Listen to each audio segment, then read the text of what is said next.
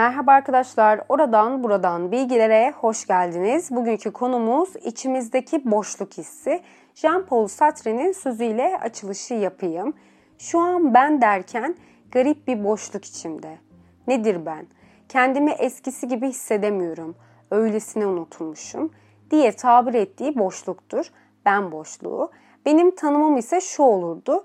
İçimdeki o boşluk hissini birilerine anlatmayı denesem bile kimse anlamayacak gibi hissettiren, sanki her şey yalan, hiçbir şeyin anlamı yokmuşçasına hayatımı uzaktan izliyormuşum gibi düşündüren, her şey iyi olduğunu düşündüğümde bile beni yoklayan, tutunacak bir şey bulamayıp çabalamayı bıraktıran, ne olacaksa olsun kafasına sokan, her sabah aynı güne uyanıp sonsuz o monotonlukta varoluşu düşünüp seni işin içinden çıkarmayan, yaptıkların, yapmak istediklerin, her şeyin ve herkesin bir anda etkisini yitirdiği, silikleştiği, hislerin yok, görüşün yok gibi hissettiren, anlam ve değer bulamama ya da olmadığını fark ettiren, ruhun aslında bir şey arıyormuş da artık bulamadığını düşündüren, bu dünyaya ait değilmişim gibi hissettiren bir duygu. İçimizdeki bu boşluğun ya bir körlükten ya da aşırı bilinçten çıktığını düşünüyorum.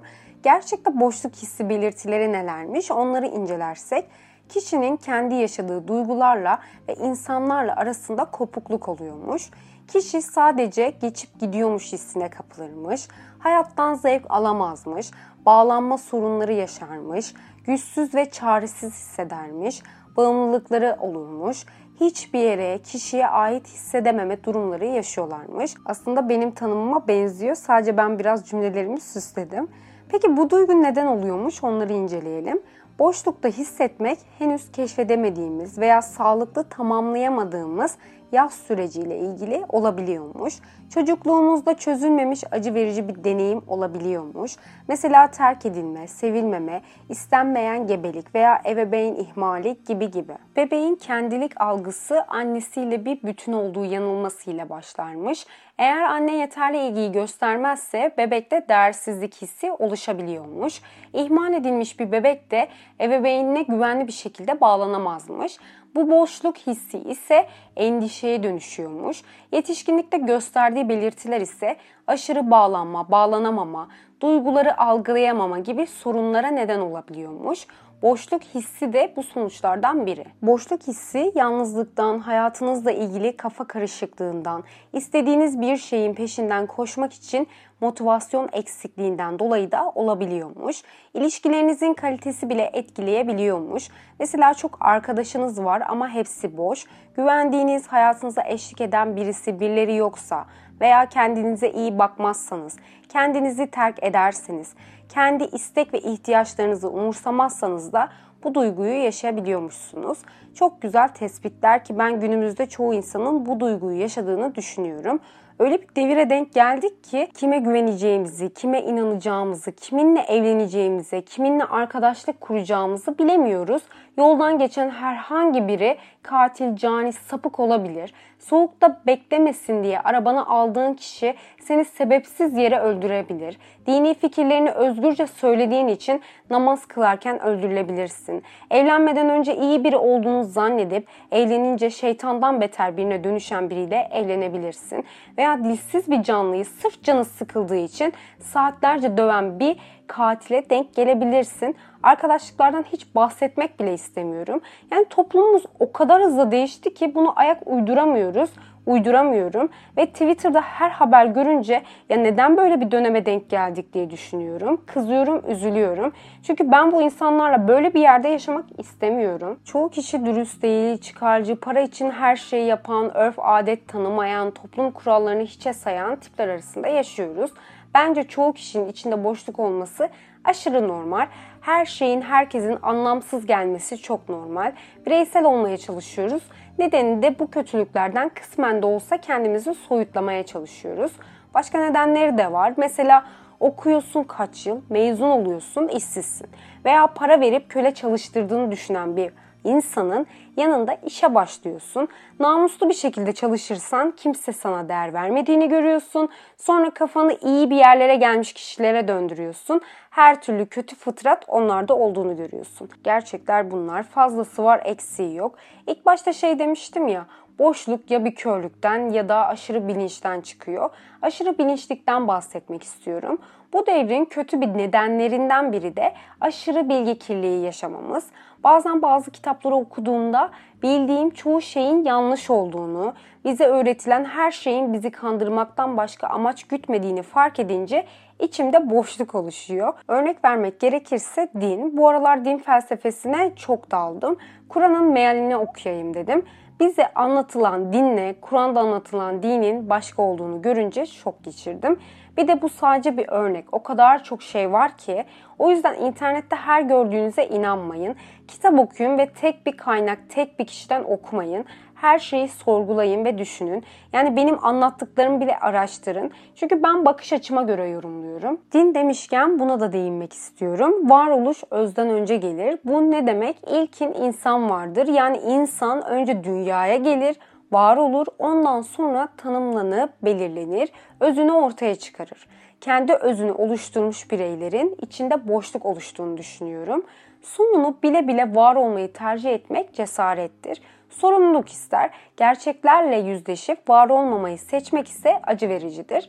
İnsan bu dünyada öyle ya da böyle var. Nereden geldiğini, nereye gideceğini bilir veya bilemez. Kendi özümüzü oluşturmayı ise yaptığımız tercihlerle kendimizi bulmayı sağlarız. Bazı boşlukları ise Tanrı ile doldururuz. Allah inancı senin belli bir özünün olduğunu gösterir. Çünkü biz bilinci olan bir varlığız. Eğer birey içinde bulunduğu bu durumu sorgulamazsa, Allah'ı inkar ederse boşluğa düşer. Çünkü varoluşunu bilmiyordur. Tanrısızken içine düşünmüş boşluk hissi bence çok kötü. Tanrı'dan sonra özgürlüğü merkeze alıp başkasının özgürlüğünü gözeterek kendi özünü oluşturur. Çünkü başkasının özgürlüğü aslında senin özgürlüğünün teminatıdır. Bu şekilde var olmayı seçerse bu hisse düşmez. Çünkü bilirler ki bu motivasyon ile çıktığı yolda son olarak kendini gerçekleştirecek ve insan olacak. Ama başkalarının yönlendirmesiyle, düşünceleriyle var olmaya çalışan kişiler gerçekle yüzleşemeyecek, hiçlikten kaçacaklar ki özünü bilmeyen kendini inşa edemezmiş. Kişiler kimlik kargaşası yaşarlar. Saçma şeylerle mesela öfkeyle, endişeyle, suçlama ile içindeki boşlukları doldurmaya çalışırlar. Ama o boşluklar dolmayacaktır. Biraz felsefik konuştum. Aslında şunu demek istiyorum. Günümüzde inanç kaynağımız çok azaldı. Bu gibi duygularımızın temel kaynağının bir şeye inancımızın olmamasından kaynaklı olduğunu düşünüyorum. Eskiden insanların korkacağı, seveceği birileri vardı. Bu herhangi bir şey olabilir veya diğer dünya kavramı vardı. İnsanların kötülük yapmamalarını alıkoyardı. Bu ahlak mı yoksa inanç mı bilemiyorum. Ama bence insanın hayatına Tanrı dahil etmeyişinden dolayı olduğunu düşünüyorum. Bunlar benim şahsi düşüncem. Galiba Freud'dan okumuştum. İnsanların bilinçaltında her türlü pislik, kötülük, her şey var. Bunları baskılayabilmek tabii ki de bizim elimizde. Ama ben inancın da yardım ettiğini düşünüyorum. Gel gelelim psikologların boşluk hissinden kurtulmak için yapmamızı istedikleri şeylere. Kendimizi geliştirmeliyiz, üretken olmalıyız, meditasyon yapmalıyız, kendimizi sevmeliyiz, başkaları ile iletişim kurmalıyız, boşluk duygusunu keşfetmek için günlük tutmamızı öneriyorlar. Son olarak boşluk hissini kabul etmeliymişiz. Buna kesinlikle katılıyorum. Her hisse olduğu gibi bu hissi de kabul etmeliyiz. Size geçenlerde okuduğum çocuk masalını anlatmak istiyorum. Masalın adı Boşluk. Yüksek tepelerden birinde sıradan bir köyde minicik bir evde ailesiyle birlikte Julia adında bir kız yaşarmış. Julia herkes gibi gayet normal ve sıradan bir kızmış huzurlu ve mutlu bir hayatı varmış. Derken günlerden bir gün tüm bunlar ansızın yok olup gitmiş. Julia ise koskocaman bir boşlukla kala kalmış. Koskocaman bir boşluk. Canavarlar çıkıyormuş. Boşluk her şeyi içine çekip yutuyormuş. Julia boşluğu doldurmaya, kapamaya, silmeye hatta saklamaya çalışmış. Ama boşluk gittikçe büyümeye devam etmiş. Bunun üzerine Julia bir gün kendi kendine demiş ki Tek yapmam gereken boşluğu tıkayacak doğru tıkacı bulmak. Gerçekten de Julia'ya çeşit çeşit tıkaç sunulmuş. Bu tıkaçlar arasında iyi olanlar varmış, bir de iyiymiş gibi görünen hileci tıkaçlar varmış. Durmadan araştırmasına rağmen kendine uygun tıkacı bir türlü bulamamış. Derken bir gün araştırmayı bırakıvermiş. Ne kadar baş döndürücü bir his. Julia biraz sendeledikten sonra kendini yerde bulmuş. Üzüntüsüne yenik düşen Julia gözyaşlarını tutamamış. Önceleri yavaş ardından bağıra çağıra ağlamaya başlamış. Nihayet sakinleşip sessizliğe gömülmüş. Bu sessizliğin içinde Julia topraktan gelen ve onunla konuşan bir ses duymuş. Dört bir yanı araştırmayı bırak, kendi içine bak. Kendi içime mi? İşte böylece kelimeler dökülmeye başlamış. Renkler ve melodiler. Orada öylesine muhteşem dünyalarla karşılaşmış ki önceden onların hayalini bile kuramazmış. Bunlar sihirli dünyalarmış. Onu yeniden hayata bağlayan sihirli dünyalar. Orada kendini gerçekten iyi hissetmiş, evinde gibi. Bu keşfinden memnun olan Julia başkalarına da farklı bir şekilde davranmaya başlamış. Bir de ne görsün Meğer onların da kendilerine ait sihirli dünyaları varmış. Onlar da bu dünyaları sık sık ziyaret eder, güzel hediyelerle dönerlermiş. Birbirleriyle paylaşabildikleri güzel hediyelerle. İşte böylece boşluk yavaş yavaş giderek küçülmeye başlamış. Neyse ki hiçbir zaman tamamen yok olmamış. Böylece Julia ne zaman isterse bu sürprizlerle dolu dünyaya geri dönebilirmiş. Muhteşem bir hikaye. Bu hikayeden de anlaşılacağı üzere ilk önce bu hissi kabullenmeliyiz. Evet arkadaşlar anlatacaklarım bu kadardı. Bir sonraki podcastimde görüşmek dileğiyle. Hoşçakalın.